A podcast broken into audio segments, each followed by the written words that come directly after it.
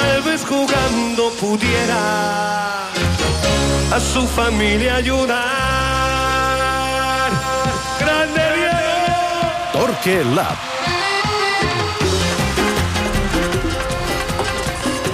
A la recerca d'optimisme. Ricard Torquemada, bona tarda. Bona tarda, Jordi. Bé, ja ho veus que Martínez, Vera, Sanabra estan convençuts però arrossegant els peus que el Barça eliminarà el Nàpols. Començo pel final. Tu també?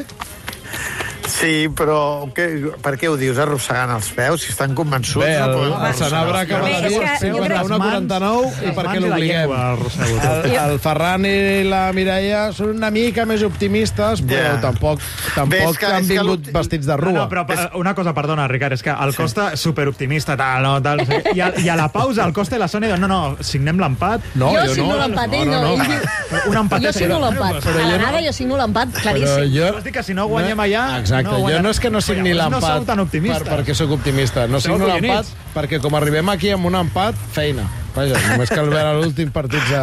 M'agrada com, com matises les teves declaracions a la pausa publicitària, on, on un empat directament aquí no ho veies. Però ara, ara hi ha feina. Està bé, està bé. Està bé, Bé, hi ha moltes Home, maneres no de soc- passar... no soc futuròleg, no- Hi ha no- moltes maneres de passar l'eliminatòria, clar. Vull dir...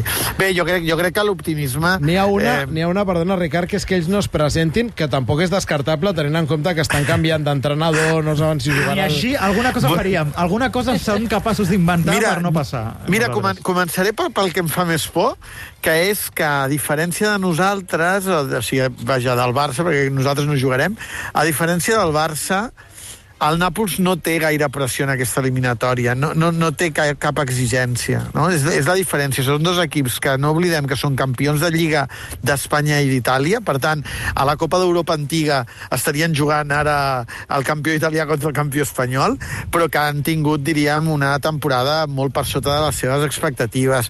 Però amb la diferència que el Barça venia en un projecte que havia de créixer i el Nàpols venia en un final de cicle eh, amb Spalletti fent campió a l'equip 33 anys després i deixant el club i, i deixant, diríem, eh, aquí al darrere una herència de dir aviam si ara encerten amb l'entrenador i no han encertat.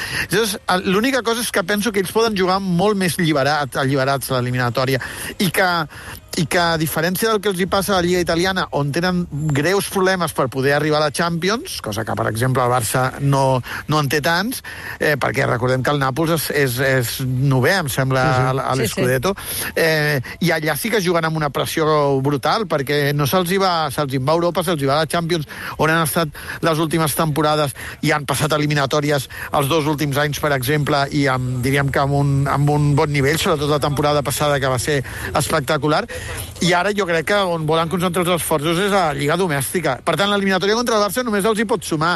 Restar poc, perquè a Sant Paolo eh, ahir ja va haver-hi xiulets, eh, els últims eh, tram de calendari han jugat contra Roma, Lazio, Milan, Inter eh, i, i, i me'n deixo un dels grans, crec que en són cinc, i no han fet cap gol, em sembla que és un punt de 15 amb els de dalt, eh, o sigui, estan en una situació que és que eh, eh, és la pitjor de la temporada. O sigui, la temporada no està sent bona perquè no continua la línia de la passada, però som en el moment més crític del Nàpols amb diferència de l'any. Tenim una cosa que és absolutament comuna, que és que aquí no ens expliquem com el Barça, o ens costa explicar-nos com el Barça ha passat de l'equip sòlid que era l'any passat a un equip que ara li fan gols sense voler, i a Nàpols, ens ho explicava el Marcelo Calvano, tampoc s'acaben d'explicar més enllà de, de la falta de reforços, com un equip que només ha canviat, només entre cometes, eh, l'entrenador i un central ha, ha, experimentat aquesta, aquesta Sí. caiguda lliure. Sí. Bé, bé, puntualitzo, era la Juve que em deixava, eh? Roma, Milan, Juve, Inter i, i, i Lazio. Em, és que jo crec que han perdut eh, un central que va arribar per tapar un forat que era Koulibaly, és a dir, ja havien fet un doble mortal, mm. que era perdre la jerarquia de Koulibaly, encertar amb Kim Min-jae i perdre Kim Min-jae l'any següent. Clar, això ja era difícil tornar a trobar eh, aquest central amb jerarquia. Tenen centrals eh, de naturaleses molt diferents, han fitxat Ostigar, que, que és un central però no d'un equip que era el que representava el Nàpols, que volia ser eh, dominador, que la temporada passada era un equip, eh, o els últims anys, des de Sarri, Spalletti, Gattuso, un equip alegre. Eh, ara tenen centrals poc dotats per jugar això, amb moltes dificultats per córrer cap endavant, eh, de seguida retrocedeixen quan el mig camp, per exemple, pressiona dalt. És un equip descosidíssim, descosidíssim, tàcticament, mentalment eh, molt afectat, però és que jo crec que també han perdut Ociment, Jordi. Ociment l'any passat va fer 31 gols, va sí, ser una temporada bestial. Aquesta temporada ja va començar eh, amb una renovació llarguíssima. Després va començar amb el TikTok que li van fer d'un penal fallat que, que, que gairebé trenca eh, la sí. samarreta del Nàpols al vestidor. L'altre dia Des... vaig veure que va, van cancel·lar el compte d'Instagram del, del Nàpols per, per, per mig tenir-lo content. Uh -huh. Sí, sí, clar, perquè és que té, té, una, té, una, té, un, té, moltes, té molts fronts oberts. Després té el front obert entre representant de Gabratskelia sí. i, i ell. Després se'n va anar a la Copa d'Àfrica eh, i, i va tenir una gastroenteritis, no, no va jugar al nivell que tocava. Va tenir una lesió muscular, eh, o sigui, ha tingut una temporada convulsa. Mm. Ara bé, és una bèstia de la naturalesa i és un jugador que l'any passat va fer 31 gols i aquest any n'ha fet 8. O sigui, estem parlant que no ha arribat eh, gairebé ni, al, ni a un terç dels gols. En això també ens assemblem. El nostre nou l'any passat eh, Sí, sí, és que jo crec que hi ha molts... Va gols sí, i aquest any jo crec, no hi ha Jo crec que hi ha molts... Sí, sí, hi ha, hi, ha, hi ha molts elements en comú i després que totes les versions individuals són pitjors que les de la temporada passada. Eh, mm, jo crec que fins i tot et diré que nosaltres tenim més sentit col·lectiu del que tenen ells, perquè també han passat per Rudi Garcia, ara Mazzarri, i ara veure què passa. Eh, viuen molt de, de, l'inspiració individual de Kvaratskhelia, eh, veurem si també de la Dociment. Ara, són jugadors de qualitat, això és evident. I per això jo crec que si s'alliberen mentalment, vés a saber si poden fer servir l'eliminatòria o la volen fer servir per intentar aixecar el cap. Eh, en Zielinski ha deixat l'equip a mitja temporada, que era l'ànima del mig camp, perquè era el jugador amb més experiència. Les versions de Lobotka i Anguissa no s'assemblen a les seves millors versions ni de bon tros. Eh, vull dir, és un equip que és que és que eh, eh, a nosaltres ens costa imaginar-m'ho, però ara mateix, abans de jugar, està molt més descosit que el Barça, però molt més. Mm. Eh, falta veure insisteixo, el, el, el punt mental que tenen, l'actitud mental que tenen, perquè jo crec que sí que el Barça arriba amb la sensació que és el termòmetre de la temporada i que és un examen, eh, i amb aquesta exigència alta, i jo crec que el Nàpols el que vol és que acabi aquesta eliminatòria i veure quants partits queden a l'Scudetto per intentar la Sèrie A, per intentar classificar-se per Europa o per la Champions. Mm, abans de debatíem i, i ja, ja hi aprofundirem a mesura que s'acosti el, el partit, si potser no seria una mala idea traslladar Araujo al, al lateral dret, tenint en compte que per allà hi corre sí Kvaratskhelia. Uh, ara, ara aquí a l'Esport 3 ens estaven passant gols i a la Mireia li ha canviat la cara veient un, una rosca des de fora de l'àrea del, del Georgià.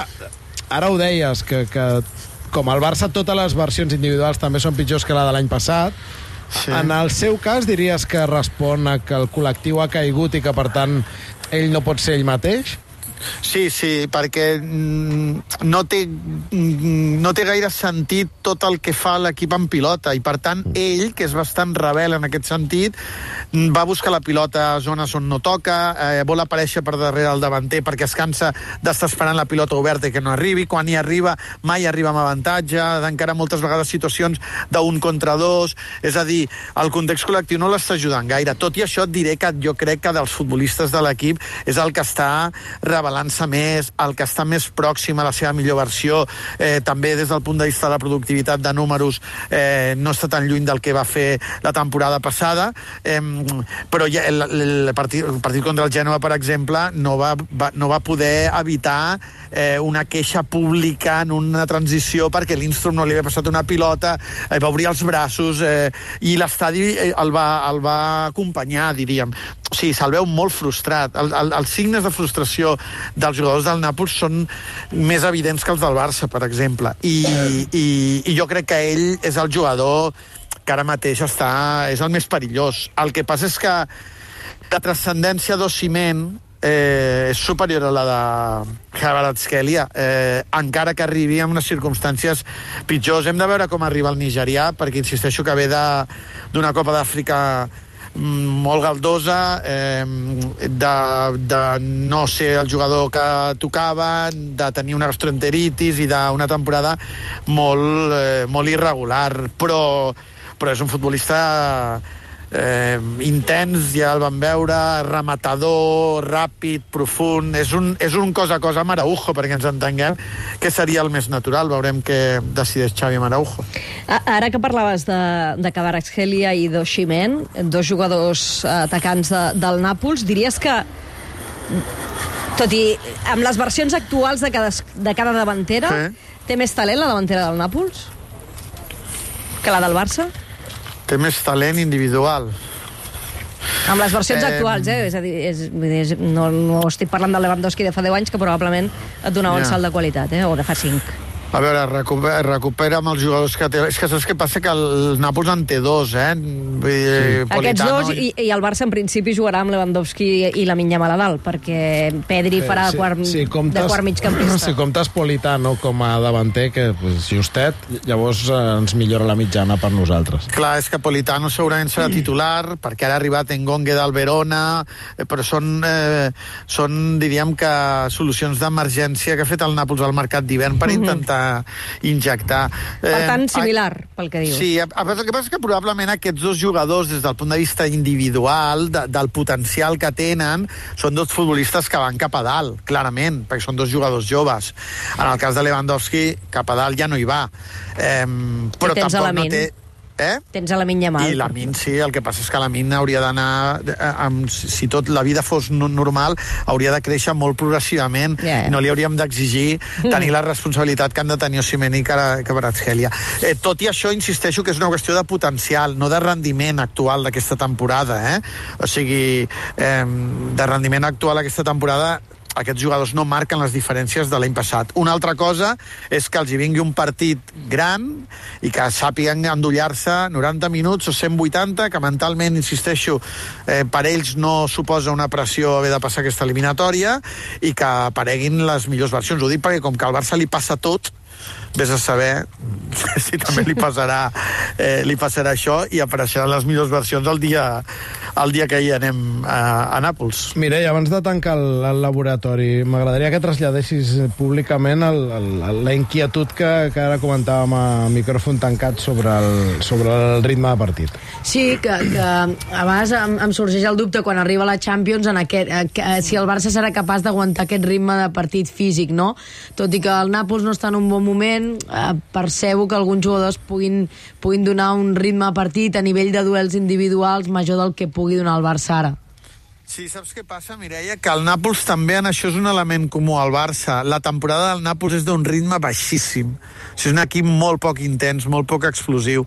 Eh, sobretot al mig camp. Eh, Lobotka és un jugador molt posicional i no està a un bon nivell eh, físic d'intensitat de guanyar duels. Anguissa és un jugador amb un potencial físic espectacular, però que necessita que el context sigui molt positiu per treure les millors condicions. Eh, a Anguissa en la seva carrera l'hem vist temporades increïbles i temporades on semblava el germà d'Anguissa eh, i Júnior Traoré acaba d'arribar perquè Zielinski ha marxat eh, i, i dic els del mig camp perquè normalment són els que haurien de ser Sí. capaços. És un equip que no, no, no li desagrada l'anada i tornada però no és un equip que t'atropelli en l'anada i tornada. Jo crec que que el Barça no té una, un examen d'una gran exigència d'intensitat. No, no, jo crec que en aquest sentit troba un rival que, que, es, que, es, que es pot adaptar bé a, al que el Barça pot fer. En, no, no és un equip que em faci por des d'una qüestió de sostenir el ritme perquè, perquè insisteixo que en general aquesta temporada tenen un ritme, un ritme baix. Doncs hem expremut fins les 8 del vespre aquesta edició del, del Torque Lab per, per xuclar-li al Ricard tots els inputs positius, tot l'optimisme de cara a aquesta eliminatòria de, de Champions. Eh, Ricard, gràcies, bona tarda. Adeu!